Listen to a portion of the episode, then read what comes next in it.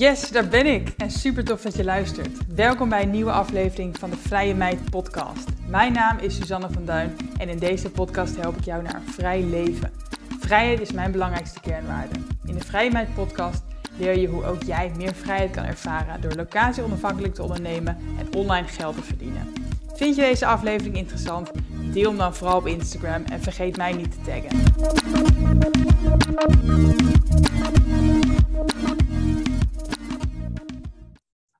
Vandaag spreek ik met Rebecca Braak. Rebecca is 32 jaar en woont in Ecuador met haar man en twee kinderen. Ze is de founder en CEO van duurzaam interieurmerk Equavina en reisbureau Rebecca Adventure Travel. En vandaag gaan we het hebben over verhuizen naar Ecuador, het starten van een eigen bedrijf in het buitenland, online marketing en wonen met je gezin in Zuid-Amerika. Rebecca, welkom. Superleuk dat je er bent. Ja, dankjewel. Leuk dat, je, dat ik je ben uitgenodigd. Nou ja, superleuk. En uh, nou, voor jou goedemorgen, want we hebben natuurlijk tijdverschil, want jij zit in Ecuador. Uh, Klopt, ja. het is hier zeven uur eerder. Wauw, ja, best wel een behoorlijk uh, tijdverschil. Um, kan je ons meteen vertellen hoe jij eigenlijk in Ecuador terecht bent gekomen? Ja, zeker. Ik heb uh, bedrijfskunde gestudeerd in Amsterdam. Toen uh, ben ik bij uh, de KLM een afstudeerstage gaan doen van, van mijn Master International Business. En ja, daar heb ik een, een baan aangeboden gekregen als projectmanager in de e-commerce omgeving. En daar was ik bezig met het ontwikkelen van mobiele apps, van een mobiele website. Allemaal superleuk. En KLM is ook echt een geweldig bedrijf. Maar ik miste avontuur. Dus toen heb ik drie maanden onbetaald verlof genomen. En toen uh, ben ik een adresje gaan zoeken om vrijwilligerswerk te gaan doen met paarden. Oh. Paarden is echt mijn grote passie. En uh, nou ja, je kan online heel veel vinden in Australië, Amerika, je kent het wel. Maar er was één adres in Ecuador. Toen dacht ik, nou, dat vind ik gaaf. Daar ga ik naartoe. Dus toen ben ik naar Ecuador gekomen. Um, ik sprak geen enkel woord Spaans. Oh, ja, wow. alleen hola. En, en toch dacht je Ecuador? Ja, ik dacht, dan kan ik tenminste ook een taal leren, terwijl ik uh, ja, niet werk. Want ik was toch altijd wel bezig met uh, ja, mijn cv en uh, hoge, veel ambities. En, dus ik dacht, nou, dan doe ik twee dingen in één keer. En toen kwam ik hier in Ecuador en dacht ik, wauw, wat is dit voor een gaaf land. Je hebt bergen, de Amazone, je hebt een hele mooie stad, Quito. En uh, daarnaast deed ik wat ik uh, geweldig vond, en dat is werken met paarden. Dus op een gegeven moment dacht ik, weet je wat, ik blijf. Ik ga het aan, dit avontuur. Ik blijf uh, een tijdje langer. Toen heb ik een oude jeep gekocht. En daarmee ben ik paardrijdtours gaan organiseren voor de KLM-crew.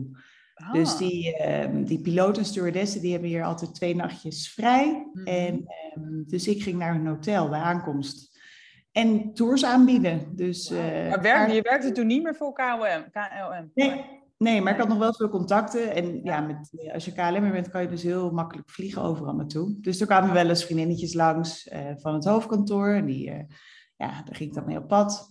En ook die crew was gewoon super gezellig. Want het zijn veertien mensen, piloten en stewardessen, ja, die allemaal uit Nederland komen. Ja. Die allemaal bij, ja, bij de KLM werken. Die allemaal heel erg avontuurlijk zijn.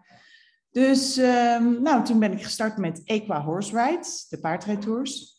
Maar eigenlijk vrij snel uh, vroegen ze me ook andere toertjes. Ziplinen, hiken, Galapagos, uh, cruises, uh, hele familievakanties. Wow. Dus toen ben ik met het reisbureau begonnen, Rebecca Adventure Travel. Ja. En waarom die naam? Ja, iedereen wist gewoon, oh, Kito, dan moet je bij Rebecca zijn. Oh, ja. Dus toen dacht ik, nou ja, dan hou ik dat gewoon in die naam. Dan is het gewoon Rebecca Adventure Travel. En, ja. Maar even nou. terug hoor, want je had een goede baan bij KOM. En je ging drie maanden op, op hè, onbetaald verlof. Mm -hmm. En je blijft daar gewoon. Dat is best wel een stap, toch? Of vond je het niet heel ja. spannend om dan die baan op te zeggen en daar gewoon te blijven zonder hè, dat je wist of dat een succes ging worden? Nou, eigenlijk heb ik het nooit zo zwart-wit gezien. Want het was telkens een soort van verlenging van mijn ticket. Dus eerst was het drie maanden. Nou, toen kwam ik even terug in Nederland. Um, dacht, nou, toen had ik al het plan om terug te gaan naar Ecuador. Maar ik moest uh, terug naar Nederland voor een paar dingen. En toen twee weken later zat ik weer in het vliegtuig. En toen ging ik voor negen maanden. Nou, en op die manier werd het eigenlijk steeds een beetje verlengd. Ja, ja en, precies. Gewoon step by step. Ja, en ik was zo jong, ik was 23, dus ik dacht, nou weet je, als het niet goed gaat of als ik, uh, als ik het niet meer leuk vind, dan ga ik terug. Ja. Maar op een gegeven moment, ja, toen, ik had een kamer in Amsterdam, die was onderverhuurd. En op een gegeven moment liep dat contract af. Dus toen had ik op een gegeven moment geen huis meer. Mhm. En dan, ja, dan, dan merk je, oké, nu heb ik dus eigenlijk iets meer mijn leven hier in Ecuador Ja, dan in Nederland. ja. Want waar woon je? Woon je nog steeds op die paardenfarm of had je inmiddels een eigen huisje? Nee, ik had een eigen huisje in de stad, in Quito zelf. Ehm, Ja. Je hebt daar, eh, ja, wat kan ik vertellen over Quito? Het is een hele grote stad. Ehm, er wonen bijna 3 miljoen inwoners. Wauw. Maar Hoeveel het wonen in Ecuador dan? Ik dacht ook 3 miljoen. Nee, nee, net zoveel als in Nederland bijna, Oké. 16 miljoen. Ja, maar het is wel een stuk groter dan Nederland. Het is ongeveer vier keer zo groot. Maar Quito is zo gezellig. Je hebt daar een oude stad, dus zeg maar echt het centrum. ehm, waar de KLM'ers zitten in een bepaald hotel. Daar wilde ik vlakbij zitten natuurlijk. Ja. Dus eh, toen heb ik daar een, een, appartementje gehuurd. Dan zit je ook vlakbij een bos. Dus nou ja, ik vond het eigenlijk ook wel prima. En is Quito nou ook de hoogste stad ter wereld? Of nee, El Paz is dat, hè? La Paz. Ja, Quito is de hoogste hoofdstad ter wereld. Oh ja, oké, ja. Ja, 2800 meter. Wauw. Mhm. En is het dan fris of lekker weer? Nou ja, dat is heel grappig, want je zit op de Evenaar. Dus eh, eigenlijk is het weer altijd hetzelfde. S morgens om zes uur wordt het licht. En dan is er bijna altijd zon. En dan rond het middaguur dan wordt het bewolkt. En dan rond een uurtje of vier gaat het altijd regenen. Oh. grappig. Ja, heel apart. Ja. En dan heb je in de zomermaanden dat er iets meer zon is. Eh, dus onze zomermaanden ook. En in de wintermaanden is er iets meer regen. Maar over het algemeen is het gewoon prima. Wauw. Oké, nou ja, en terug naar Rebecca Adventure Travel. Want inmiddels Ja. had je dus gewoon een reisbureau. En bereikte je Mhm. ook meer mensen na, dan die KOM-crew? Was het inmiddels groter geworden? Of kon je Ja, daar helemaal je bedrijf mee vullen? Ja, ik had op een gegeven moment, eh, nou soms heb je dus tours, soms niet. Want soms heb je ook een crew die zegt, nee, ik wil gewoon lekker eh, relaxen of wat anders doen. Dus in die dagen ehm, heb ik mijn website gebouwd ehm, en eh, gewerkt aan reviews en foto's, video's, dat soort dingen, marketing. En ehm, ja, eigenlijk op dat moment als er gewoon reviews binnenkomen, eh, dan gaat het vanzelf lopen. Ja, ja. Want dan op TripAdvisor, dat is zo'n enorm eh, machtig platform. Dus als er daar goede reviews staan, dan komen andere toeristen en die gaan dat dan ook lezen en die willen dan ook met jou op reis. Dus op een gegeven moment was het zo ja, succesvol dat ik dus aan het paardrijden was of aan het fietsen was en tegelijkertijd aan de telefoon zat met mensen die ook op reis wilden of mailtjes binnenkwamen. En ja, toen, toen redde ik het gewoon niet meer alleen. Dus toen ben ik gidsen gaan inhuren. Ik personeel gekregen op, mijn, ehm, ja, op, het, op het reisbureau. Eerst heb ik een coworking eh, kantoortje ge- gehuurd. Mhm. Dus er zat een jonge fulltime. En op een gegeven moment ja, werd dat steeds groter. En, En eh, inmiddels sprak jij ook goed Spaans, denk ik. Ja, zeker. Ja, Ja, ja, dus ook heb ik ook Spaans geleerd. Wel heel erg belangrijk. en eh, ook altijd een beetje ja, veel interesse gehad in het gidsen. Dus veel geleerd over de bergen, over de oude stad, over de geschiedenis van het land. En ehm, ik vind het zo bijzonder dat, dat Ecuador eigenlijk dus een heel klein land is. Mhm. Maar dat je vier verschillende regio's hebt. Het Amazonegebied, het Andesgebergte, de kust en de Galapagos-eilanden. En al die vier die regio's hebben, is, is eigenlijk een ander land. Want je Ja, hebt ja. ander eten, ander soort mensen. De taal wordt iets anders gesproken. En eh, ja, dat heeft me altijd wel gefascineerd. Ja, nou, dat snap ik. Het klinkt inderdaad lekker gevarieerd. Ik ben zelf nog nooit in Zuid-Amerika geweest. Het staat wel op het lijstje. Maar verder dan Costa Rica, Panama ben ik nog niet eh, gekomen daar in die hoek. Dus ehm, nou, je maakt me wel warm. Ja, heel goed. ehm, En je wanneer ontmoette jij in dit verhaal dan jouw man? Eh, ja, dat was ongeveer na anderhalf jaar dat ik hier was. Eh, want ik was nog steeds bezig met die paarden. Niet meer, ehm, ik was niet meer paarden aan het treden voor trail rides. Dat deed ik in het begin. Dus zeg maar voor buitenritten. Dat eh, reizigers komen, die gaan dan acht dagen op zo'n paard de hele bergen door, berg, Andesgebergte door. Maar ik deed nu meer trainen van springpaarden en van crosspaarden. Dus dat is ja, echt wedstrijdrijden. Uh, dus vaak ging ik dan om zes uur, zeven uur s morgens paardrijden, uh, trainen en dan rond een uurtje of negen, tien naar mijn kantoor.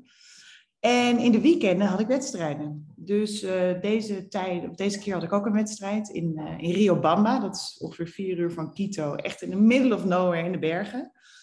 En daar was ik bezig met die crosswedstrijd. En toen zag ik Andres, mijn man, en die was ook aan het paardrijden daar. En dat is heel gek, want je hebt uh, in deze crosswereld, dus zeg maar de cross country in Ecuador, bestaat voor, nou, wat zal het zijn, 90% uit militairen die dit doen, dus soldaten. En de rest, uh, 10% is uh, ja, particulier, dus zeg maar zoals jij en ik.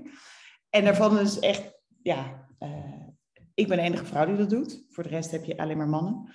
Dus het is een heel apart wereldje. Dus ja, toen ik hem daar zag, dat, dat was wel leuk. Toen was maar dat was echt love at first sight? Of? ja, nou ja, wel heel erg veel interesse aan first sight. Ja. Uh, maar daarna zijn we pas echt, toen we weer in Quito waren, zijn we gaan paardrijden samen. Ja, als de eerste date. ja, oh. en uh, nou, daarna een beetje bij beetje gaan reizen. En uh, nou, dat was wel superleuk, ja. ja maar Lijkt dit was wel echt, uh, dit was hem zeg maar. Je, dit was gewoon, je ontmoette gewoon je man. ja, en weet je wat grappig is? Hij reed dus ook op een wit paard. Dus ik dacht ook bij mezelf, dit is de prins op het witte paard. Ja. ja. Wauw. En uh, was het toen voor jou spannend van, oeh, dat betekent dat ik hier echt blijf? Of voelde het nog steeds als een soort van verlengd avontuur? Ja, dat is het. Eigenlijk, uh, en eigenlijk voelt het zo nog steeds. Het is, uh, ik heb nooit echt de beslissing genomen, oké, okay, ik ga hier blijven voor zo lang. Of ik ga, ja, het, het, loopt gewoon altijd een beetje door. En ik vind het wel, ja. En vond hij dat op zijn beurt dan spannend, dat hij met een Nederlandse vrouw was en dat jij misschien terug wilde of niet?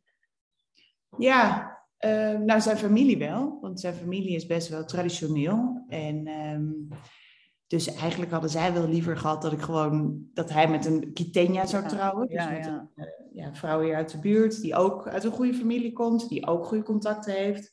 Maar ja, dat is helaas niet gebeurd. Nee. En, uh, maar Andres die vindt het hartstikke leuk. Die gaat ook altijd met me mee naar Nederland. En uh, hij heeft ook zelf een jaar in Frankrijk gewoond, een jaar in Engeland. Oh, ja. Dus hij is heel internationaal. Ja, maar die familie, ben jij nu wel omarmd daar? Of, of, uh, want het is ook inderdaad, denk ik wel, zo'n land waar je inderdaad veel met familie doet en warme banden. Heel veel, ja.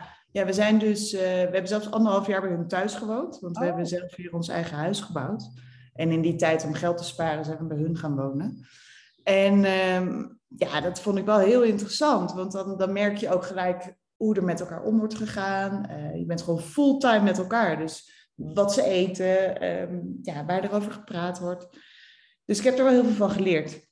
Ja. Maar ja, ik denk wel, ik voel wel echt dat zij uh, heel blij zijn met ons. Want we hebben gewoon een goed, goed huwelijk, we hebben leuke kinderen. Um, ze zijn er ook altijd. Het is geen bevlieging meer hebben. natuurlijk. Nee, nee, we zijn nu acht jaar bij elkaar. Dus ja. ja. We hebben wel een manier gevonden om ermee om te gaan. Maar ja. ik heb bijvoorbeeld nog steeds op het gebied van opvoeding ja, liggen we echt mijlenver uit elkaar. Oh. Ik ben veel meer Europees, veel strakker, veel uh, ja, meer limieten aangeven. En hier in Ecuador zeggen ze nooit nee tegen een kind. Okay. Maar nooit. Dus als uh, bijvoorbeeld uh, het neefje van, ja, zeg maar de zoon van mijn schoonzus, mm -hmm. als hij het haar trekt van mijn kinderen, dan zegt zij er niks van. Oh ja. En dan denk ik, ja, weet je, dat, dat gaat wel heel ver. Dus ik uh, probeer gewoon een beetje zo mijn limieten aan te geven. En, en ja, een beetje hun een ding laten doen. Want je kan hier ook geen confrontatie aangaan. Dat is echt, nee, ja, jeetje, wat een cultuurverschillen toch, hè? Maar ja, Enorm. ik snap wel, het houdt ook de relatie natuurlijk heel interessant. Die verschillen. En tegelijkertijd mm. zijn het natuurlijk ook de grootste ruziepunten. Ja, nou ja, ik heb het gevoel als we gewoon elkaar een beetje laten leven. Uh, ja. Ja, we wonen nu 3,5 jaar in ons eigen huis. Met best wel wat afstand. Het is een half uur rijden naar elkaar. Dus ja. ja dan is het wel prima te doen. Ja, precies. Want inderdaad, je zei het net al na twee keer. Jullie hebben je eigen huis laten bouwen. Waar, mm -hmm. waar, hoe wonen jullie? Wat moet ik voor me zien?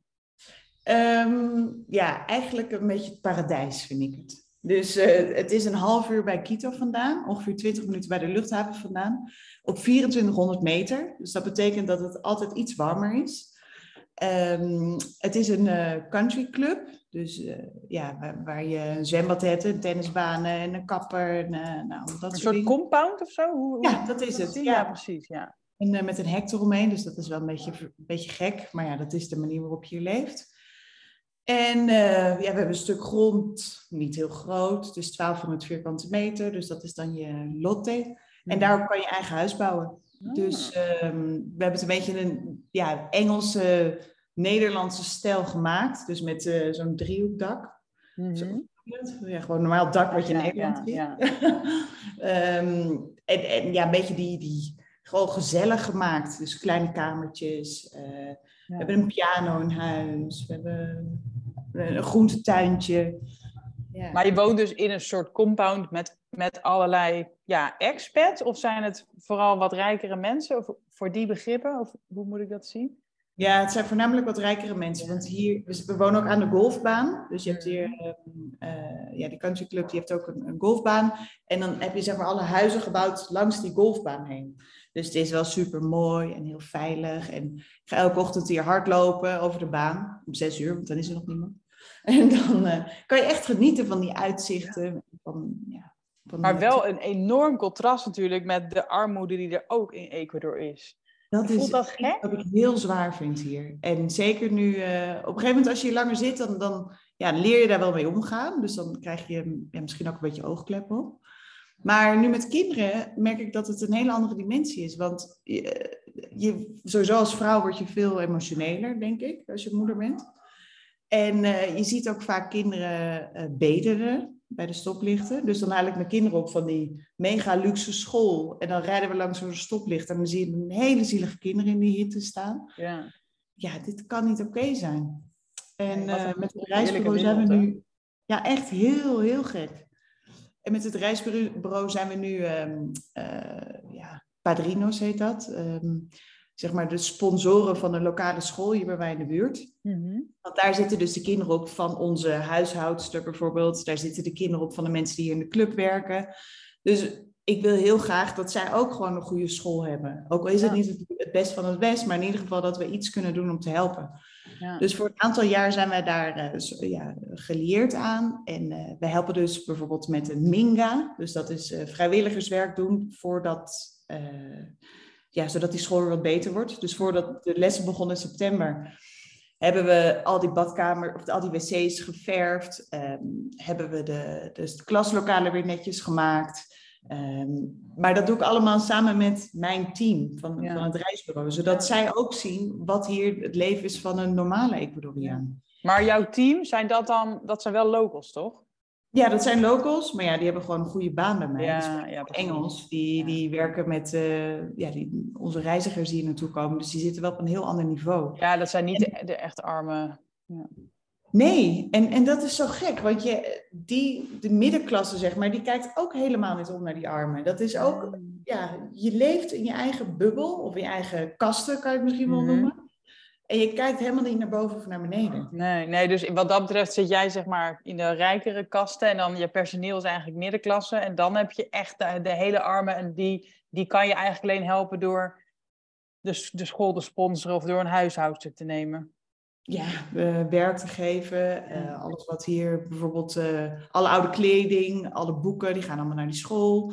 Uh, we zijn bezig om een lunchprogramma voor ze op te zetten. Want de directeur van die school die vertelde me dat een derde van de kinderen met honger naar school gaat. Oh, Terwijl je alles groeit, hè? je zit hier op de evenaar. Dus alles, alles, elk zaadje wat je in de grond stopt, dat groeit. Ja. Um, dus we zijn bezig met, om daar een soort uh, ja, programma op te zetten. Dat in ieder geval iedereen één maaltijd heeft per dag. Wat, wat uh, ja, helpt.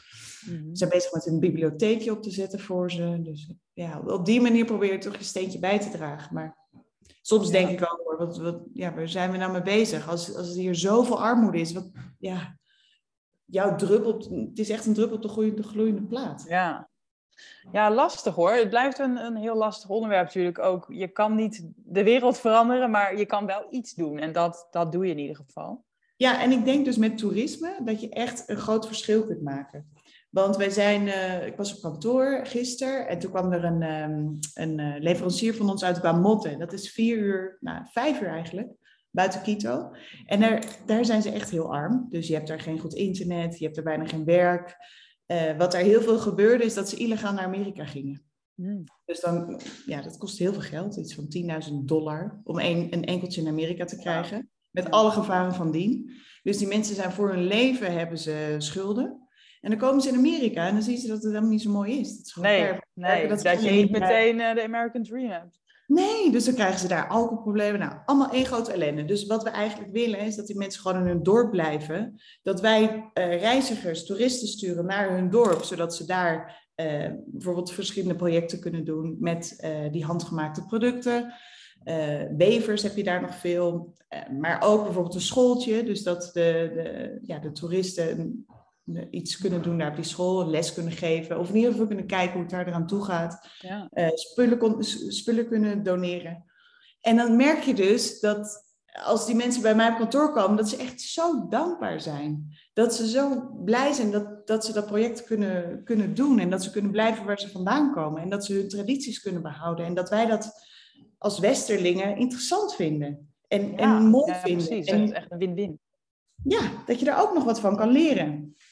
Dus ja. uh, daar ligt echt mijn passie in. Ik denk dat dat ook de toekomst is. Kijk, wij kunnen de wereld niet veranderen. Je hebt hier ook heel veel corruptie. De politiek is echt één groot drama. Maar ja, als je gewoon je eigen bubbel creëert van werk genereren, uh, zorgen dat ook de Westelingen die hier naartoe komen, dat die ook zien ja, hoe je ook kunt leven. Je hebt dan niet misschien veel geld nodig, maar wel, uh, ja, mensen zijn hier wel heel blij. Ja, gewoon een stukje bewustzijn laten zien van hoe arm het is, maar ook hoe gelukkig ze wel kunnen zijn en hoe dicht bij de natuur ze staan, denk ik. Precies, ja. ja. Want je bent ook dus op een gegeven moment het duurzame interieurmerk Equafina gestart. Mm -hmm. Kwam dat ook voort uit deze missie? Ja, eigenlijk wel een beetje, ja. Want uh, ik want, was dus al lang bezig met Rebecca Adventure Travel. Dus wij, wij, ja, ik ging heel vaak met, uh, met onze reizigers mee naar de uithoeken van het land. En hoe verder je komt, hoe, hoe mooier de tradities nog zijn, hoe, hoe authentieker. Dus uh, het was altijd al een idee voor mij om dan die producten in Nederland te gaan verkopen. Dus bijvoorbeeld uh, handgemaakte dekens, sjaals, poncho's, maar ook houtwerk. Dus mooie lepels en uh, borden en zo. Ja. Maar ik had er nooit tijd voor. En toen kwam de pandemie. Dus toen dacht ik, nou weet je, het is nu misschien de periode om ermee aan de gang te gaan. Dus toen ben ik een webshop gestart. we zijn, hebben een winkel geopend in Zutphen. En, um, Kom je daar vandaan ja, oorspronkelijk? Ja, Oh, ja, ja. Daar, komt, nou, daar woont mijn familie nog. En altijd als we naar Nederland gaan, dan hebben we daar onze basis. Uh, dus ja, dat is, uh, dat is toen eigenlijk ontstaan. En in die winkel van Equafina, waar we dus die handgemaakte producten verkopen, verkopen we ook reizen. Dus uh, als mensen dan die Ecuador-sfeer hebben, met al die chocola, we hebben er ook bijvoorbeeld Ecuadoriaanse chocola, Ecuadoriaanse koffie, die mooie producten. En dan kunnen we ze ook de hele ervaring verkopen om te reizen naar Ecuador en de Galapagos-eilanden. Ja, wauw. Mm Vet. Dus eigenlijk heb jij twee bedrijven. Mhm. Um, een reisbureau en een duurzaam interieurmerk. Maar je klanten zijn eigenlijk allemaal Nederlands. En hoe Nee. zorg jij... Nee? Oh, niet. Nee. nee, die klanten die komen voornamelijk uit Amerika. Oh, Amerika. Oké. Ook de, ja, dus de webshop en de, het reisbureau ook. Ja, dus zeg maar het reisbureau, eh 80% is Amerikaans. Oh, ja. Ehm, en voor Equafina is denk ik 80% Nederlands. Ja, Ja, oké. Maar in ieder geval, ze komen niet uit Ecuador per se, dus je moet wel die mensen bereiken. En Mhm. ehm, hoe, hoe zorg jij dat jij die klanten, eh, dat die jou kennen, dat, dat ze klant worden? Eh, veel met SEO. Dus ehm, eigenlijk vind ik dat het allerbelangrijkste. Dat je gewoon hele goede content hebt. Eh, dat je schrijft over wat je weet. Ehm, veel foto's, video's. Wat hebben we nog meer? LinkedIn. We hebben bijna 5000 volgers op LinkedIn. Ehm, Google Ads, social media. Ja, Ja, de eigenlijk hele mikmak, de hele online marketing eh molen. Ja. En doe je dat zelf of heb jij hier gewoon een team op?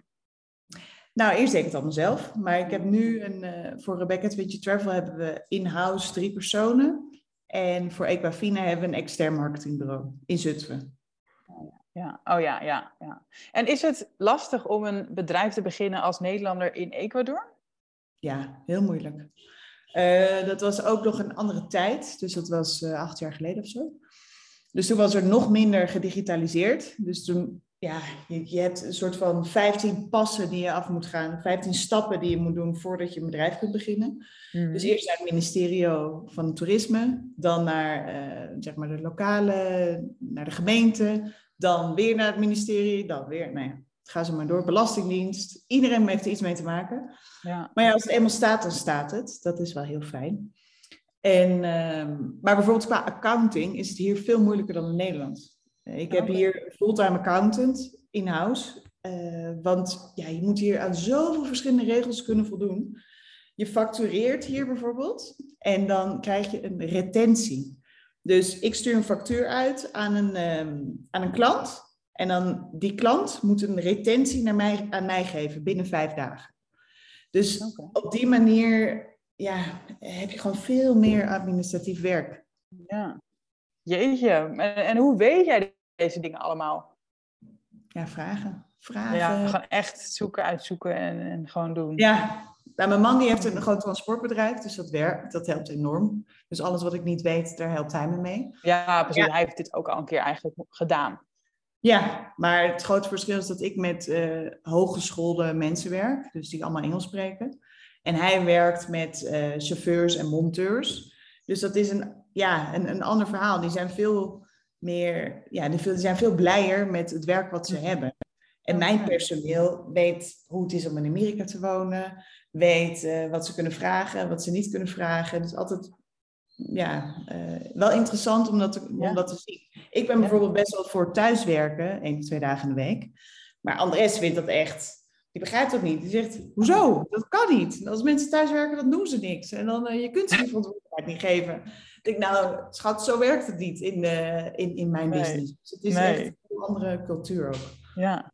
En heb jij dan, even heel technisch hoor, maar mm -hmm. heb jij dan inderdaad een soort van twee Ecuador BV's? vertellen over die, die structuur van de bedrijven? Hoe dat precies zit? Heb jij nou alleen dan in Ecuador de bedrijven of heb jij ook in Nederland dan iets daarmee gereden?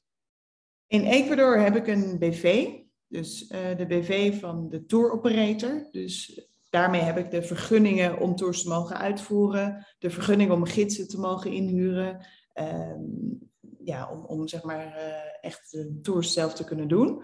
En in Nederland heb ik een holding die uh, van mij is. En daaronder heb ik twee BV's, zeg maar werk-BV's. één werk-BV van Rebecca Twentje Travel en één werk-BV van Equafina. Niet dubbel op, dan heb je bedrijf in Nederland ook in Ecuador. Of dat moet? Ja, dat moet. Uh, of tenminste, voor mij is dit nu veel handiger. Want in Nederland hebben we ook de winkel, ja. uh, we hebben economische activiteit. In, met Rebecca Twentje Travel ben ik lid van de SGR, van de ANVR het calamiteitenfonds. Ja, um, we hebben een uh, verzekering bij de AOM, de liability insurance voor 5 miljoen.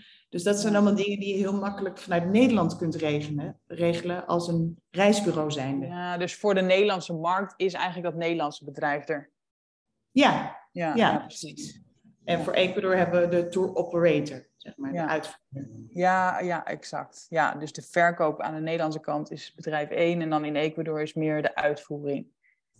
Precies. Oh, ja, ja wauw, jeetje. Een hoop uh, geregeld, respect. Uh, ja. En ondertussen ben jij dus ook nog moeder geworden van twee kinderen, die zijn nu 1 en 3. Ja, uh, ja hoe, hoe ging dat? vond je dat spannend om toch wel een kind te krijgen met iemand uit Ecuador? Hmm, daar heb ik eigenlijk nooit zo over nagedaad. Um, ja, het ging gewoon zo. Uh, ja. Ik was met hem samen. Het ging heel goed. We waren bezig met het huis. Um, ja, nee, ik, we wilden gewoon uh, kinderen. Ja. En ik heb nooit echt nagedacht, oh, oké, okay, hoe gaan we dat doen met Ecuador of Nederland? Nee, dat ging gewoon allemaal zo prima. Ik wilde wel echt uh, bevallen in Nederland, van allebei. Mm. Toch wel Ook voor de veiligheid? Ja, maar ook omdat het hier heel Amerikaans is. Dus um, een van onze beste vrienden hier is gynaecoloog. Dus ja, als er hier wat is, dan ga ik ook altijd naar hem. Oh, en checks en zo.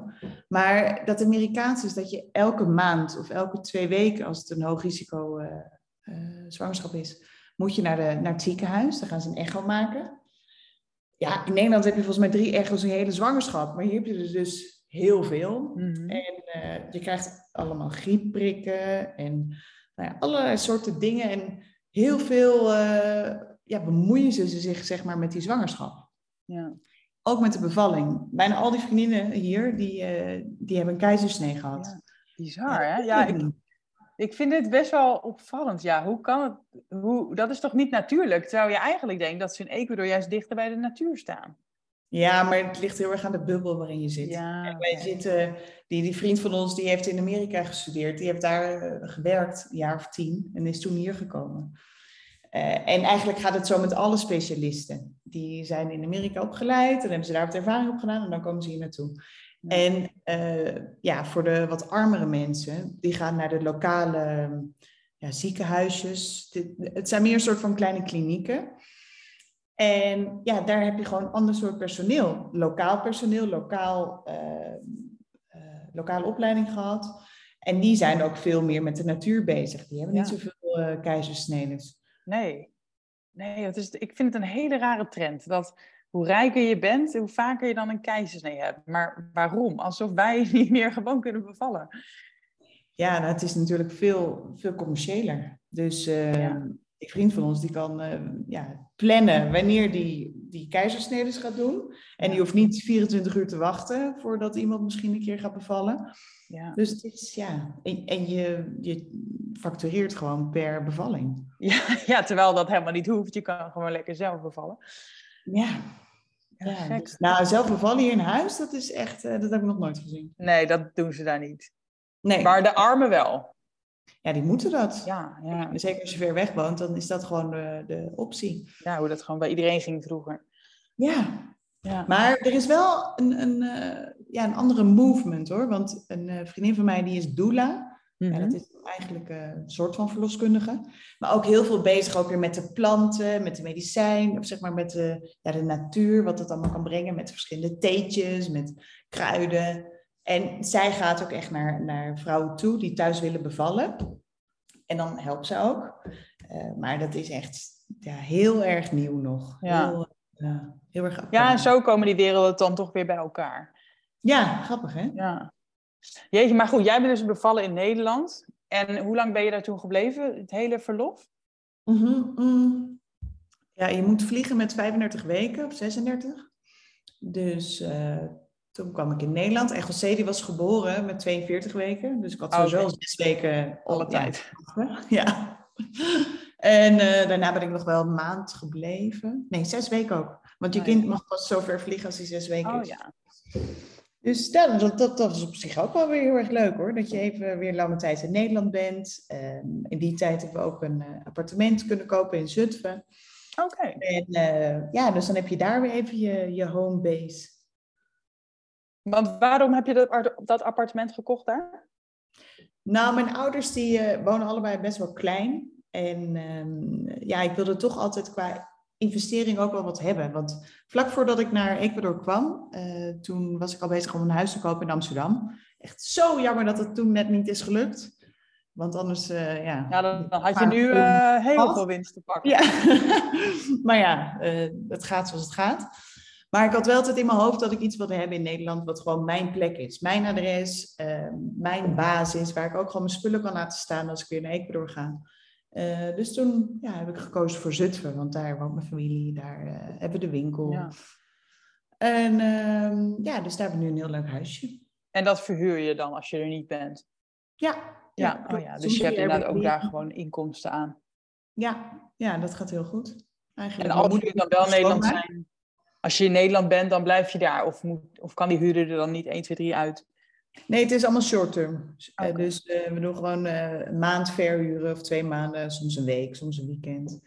Het gaat ook nu best wel veel via via. Want ja, het is een heel leuk appartement in het centrum van Zutphen, wat we zelf helemaal hebben verbouwd. Dus met vloerverwarming en eikenvloer, nou ja, alles wat, je, wat, wat nu leuk is. Ja. En ehm, dus ja, daar hebben we best wel veel eh, ja, de reizigers weer die, die daar blijven. Dat is heel leuk. En het is dus een beetje een familiebedrijf geworden. Want mijn moeder die doet de schoonmaak. Oh mijn ja. opa die woont tegenover. Die, eh, die strijkt de, het beddengoed. Mhm. Nou ja, en zo eh, doe je dat ook weer samen. Dat Ja, dan heb je toch op die manier ook veel contact met ze. ja precies. Ja. Ja. En je hebt het gevoel dat ze kunnen helpen. Dat is ook heel fijn. Ja. En zien zij de kinderen veel? Komen ze ook wel eens naar Ecuador? Ja, mijn vader die komt heel vaak. Want die, eh, die werkt ook bij mij in het reisbureau. Oké. Nou, eigenlijk nu niet meer echt in het reisbureau. Hij begon als eh, eh, zeg maar de accountant of de administratie van het reisbureau. En nu doet hij meer de winkel, Equafina. Maar ja, hij komt gewoon heel vaak. Ik denk wel vier keer per jaar of zo. En dan blijft hij een maand. Ja, en mijn moeder en mijn oma die komen meestal één keer per jaar. Oh ja, ja. Maar goed, dan hebben ze inderdaad ook nog wel hun band met de kleinkinderen. Want spreken jouw kinderen Spaans en Nederlands? Ja, en eh José die spreekt nu ook Engels. Want sinds eh, september zit hij hier op de basisschool. Dat begint hier al vanaf drie jaar. En eh, dat is alleen maar in het Engels. Dus hij zingt in het Engels. Hij zegt de dag, ja, eigenlijk alles zegt hij nu in het Engels. Dus dat is wel heel grappig. Wauw, maar dat is toch ook knap, hè? Dat ze op zo'n jonge leeftijd al die talen kunnen spreken. En dat is ook wel heel waardevol dat je dat kan meegeven, denk ik. Want als je Engels en Spaans spreekt en ook nog Nederlands, ja, dan ligt toch de wereld aan je voeten. Ja, dat denk ik ook. En uh, het is zoveel makkelijker om dat inderdaad op jonge leeftijd te leren en niet zoveel tijd mee kwijt te zijn als je wat ouder bent. Want ik heb echt zoveel uren Spaans geleerd. dat je denkt, waarom begrijp ik het nou niet? Ja. Of nu nog steeds. Dan, wil ik, dan ben ik op zoek naar een woord en dan begrijp ik, of dan komt het maar niet. Oh, gelukkig hebben mijn kinderen dat straks niet. Nee, want welke taal spreek jij thuis en met je man en met je kinderen? Uh, met mijn man meestal Spaans en met mijn kinderen Nederlands. Oh ja, ja. en Engels krijgen ze dan toch wel mee op school dus. Ja. ja. ja en, en, oh, sorry. Ja. Nee, Andres die spreekt nu ook Nederlands, want hij is eigenlijk al sinds een jaar of drie uh, heeft hij Nederlandse lessen. En dat gaat ook heel goed. Dus als ik heel veel geduld heb, want ik heb niet zoveel geduld, maar als ik uh, heel veel geduld heb, dan ga ik met hem ook in het Nederlands praten. Oh, dat is heel goed voor ze om te oefenen. Maar ja, meestal dag, zeg maar de dia-dia, dus uh, het dagelijkse verhaal, dat doen we gewoon in het Spaans. Ja. En, uh, maar wat wel heel leuk is, als je hier, als je in het buitenland woont, is dat er ook veel mensen op bezoek komen. We hebben best wel veel vrienden die komen naar het Nederland. Of uh, nu is er bijvoorbeeld een collegaatje uit de winkel van Equafina. Die is een maandje hier in Ecuador. Uh, volgende week komen er vrienden van mij met twee kinderen. Dus dat, ja, dan heb je gelijk een hele andere band. En zo hou je toch ook dat Nederlandse in je familie. Ja, ja precies. Je krijgt bezoek, ja. Want op, uh, op hun school, dat is een soort internationale school. Ja. Daar zitten allerlei expat-kinderen en kinderen van wat rijkere mensen. Ja. En dat is van, van, vanuit heel de wereld. Ja, dat, dat is een uh, school van Noord-Anglia. Dat is een, uh, ja, een soort privéschool wat je ook bijvoorbeeld in Rotterdam hebt. Daar kwam ik laatst tegen. En ja, Andres die heeft hierop gezeten, dus die, uh, die kennen het al. Zijn zussen hebben hierop gezeten. alle neven en nichten zitten op deze school. Um, ja, ook alle expats. Dus, en het is gewoon heel makkelijk, want het is twee minuten lopen bij mijn kantoor vandaan. En ja, een hele mooie grote school met, met een eigen theater. Ja. Kinderen die hebben ja, uh, muziekles, een mooie bibliotheek erbij. Dus ik ja, ben eigenlijk wel heel tevreden over die school. Ja, en maken jullie veel uitstapjes? Of is dat in Ecuador niet normaal om, om veel vakantie te nemen bijvoorbeeld? Nou, de vakanties op zich hebben mensen niet zoveel. Het zijn maar twee weken per jaar die vakantie, uh, vakantiedagen die je hebt. Maar omdat ik het reisbureau heb, moet ik heel veel reizen. Ja, oh ja. wij gaan eigenlijk om de week uh, wel een weekend weg. Dus we zijn net terug van de Galapagos-eilanden bijvoorbeeld. En uh, dit weekend blijven we dan thuis en het weekend daarna gaan we weer naar de Amazone. Dus ja, dat, dat, dat vind ik wel geweldig. Ja. Je rijdt hier een paar uur en je bent in een compleet andere omgeving. Ja. Uh, wat ik ook heel leuk vind is hier het strand. Dus dan vlieg je bijvoorbeeld naar Manta. Dat is een half uur vliegen. En dan zit je gewoon in de 30 graden, lekker mooi lang wit strand, uh, goed eten. En dan, ja, op, op zondagavond vlieg je weer terug en dan heb je weer je normale leven hier. Ja, jeetje. Ja, wat een, wat een andere wereld. En, en hoe vinden jouw kinderen het? Beseffen die, ja, die zijn 1 en 3 natuurlijk, dus wel echt jong. Die beseffen nog niet echt in wat voor wereld en bizarre gezin zij leven, denk ik. Nee, nou, ik denk, uh, die, die wordt in augustus 4. En uh, dat, dat heb ik wel altijd als een soort moment gehad voor mezelf. Dat ik dacht, dan moet ik eigenlijk naar Nederland.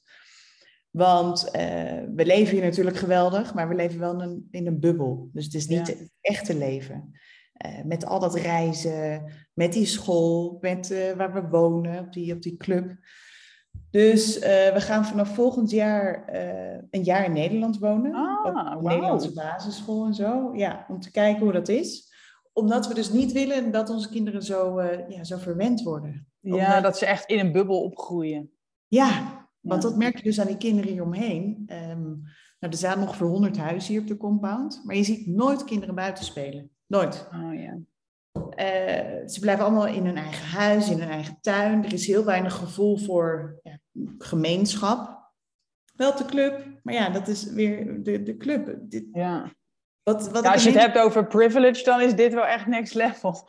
Terwijl je in, in Nederland natuurlijk al zo bevoorrecht zijn dat we ook soms vergeten hè, hoe, hoeveel we hebben. Maar Maar dit is echt een, een bubbel van een bubbel. Mhm. Wat natuurlijk heel fijn is. Ehm, maar ja, het is, het is niet echt. We hebben hier een, een, eh, een dame die ons helpt thuis, een, een, een empleada noem je dat, een hulp. Dus die kookt voor ons en in de middagen was op de kinderen. Zij Marielita. En uh, die kinderen zijn zo gehecht aan Marielita dat ik echt het idee heb dat zij meer hebben met Marielita dan met hun eigen opa en oma die hier wonen. Ja, met, ja, met ja. hun schoonouders.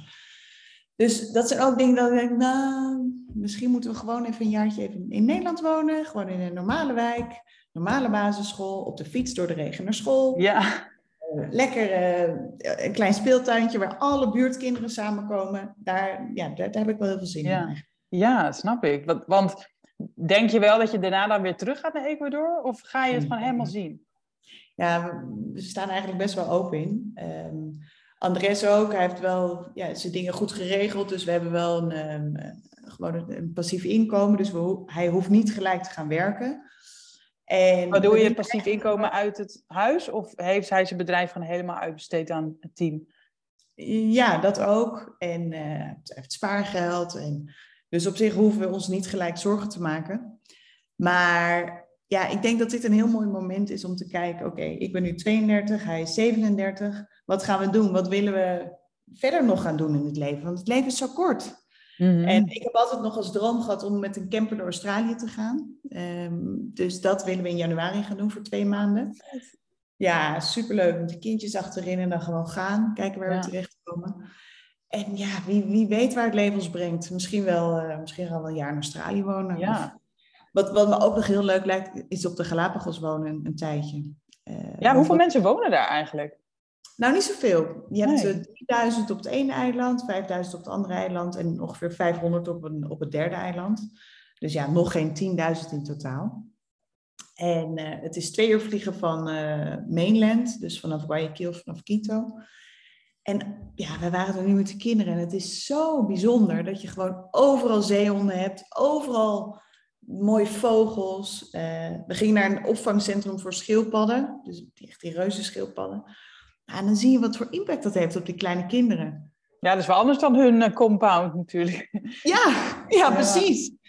Dus ik denk, nou, misschien moeten we daar iets gaan doen. Of ja, toch eh, investeren in een hotel of een boot. Ja. Of, ik weet niet waar het leven ons brengt. Om, eh, Nee, maar het is mooi om ze dat allemaal mee te willen geven. Weet je, zowel het lekkere Hollandse leven in de regen eh, op de fiets, als ook ehm, buiten de bubbel in Ecuador, gewoon het echte Ecuador. Want daar zit natuurlijk ook juist heel veel lessen in. Echt in de natuur en de dieren. Precies. En ook bij de communities. Dus als ik bijvoorbeeld voor Equafina op pad moet om die producten op te halen, dan neem ik wel Joséetje af en toe mee. En dan, dan ziet hij dus ook al die mooie vrouwen in die eh, folklore kleding met, met die kleuren en die ketting en zo.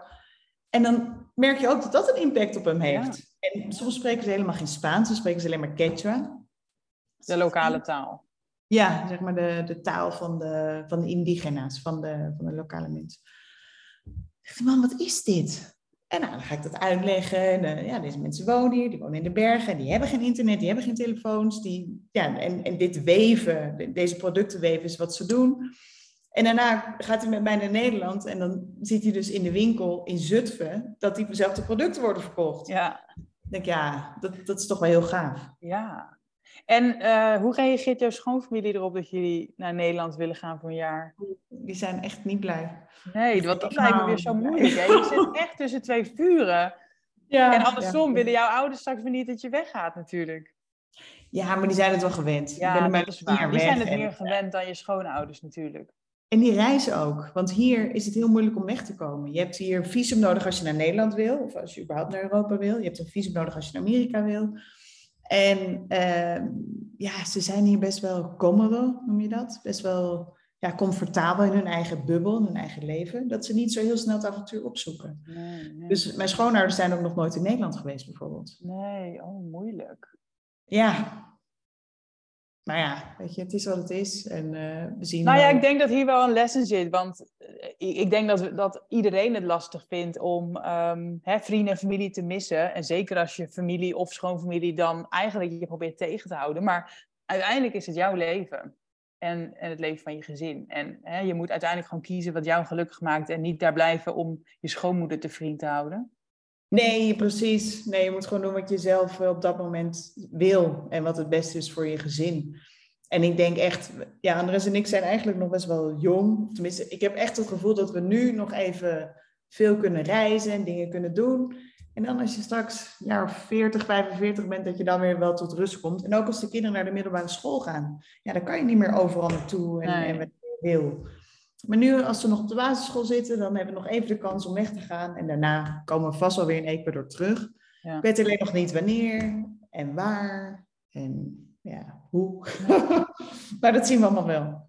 Zo is het. Nou, dankjewel Rebecca voor dit super inspirerende verhaal. En ik denk dat er een hele hoop lessen in zitten over nou ja, ondernemen en gewoon doen. En wonen in het buitenland. En uh, de lessen die je daar weer van leert. En uh, een internationaal gezin hebben. Super, super leuk. En dankjewel. Ja, bedankt. Ik vond het ook hartstikke leuk. Ja, super bedankt voor het luisteren. Ik hoop dat deze aflevering tot inzichten heeft geleid. Laat het me weten. Ik zou het heel fijn vinden als je iets over deze podcast kan delen op social media of kan delen met een bekende. Dankjewel voor het luisteren en hopelijk tot de volgende keer bij de Vrije Meid podcast.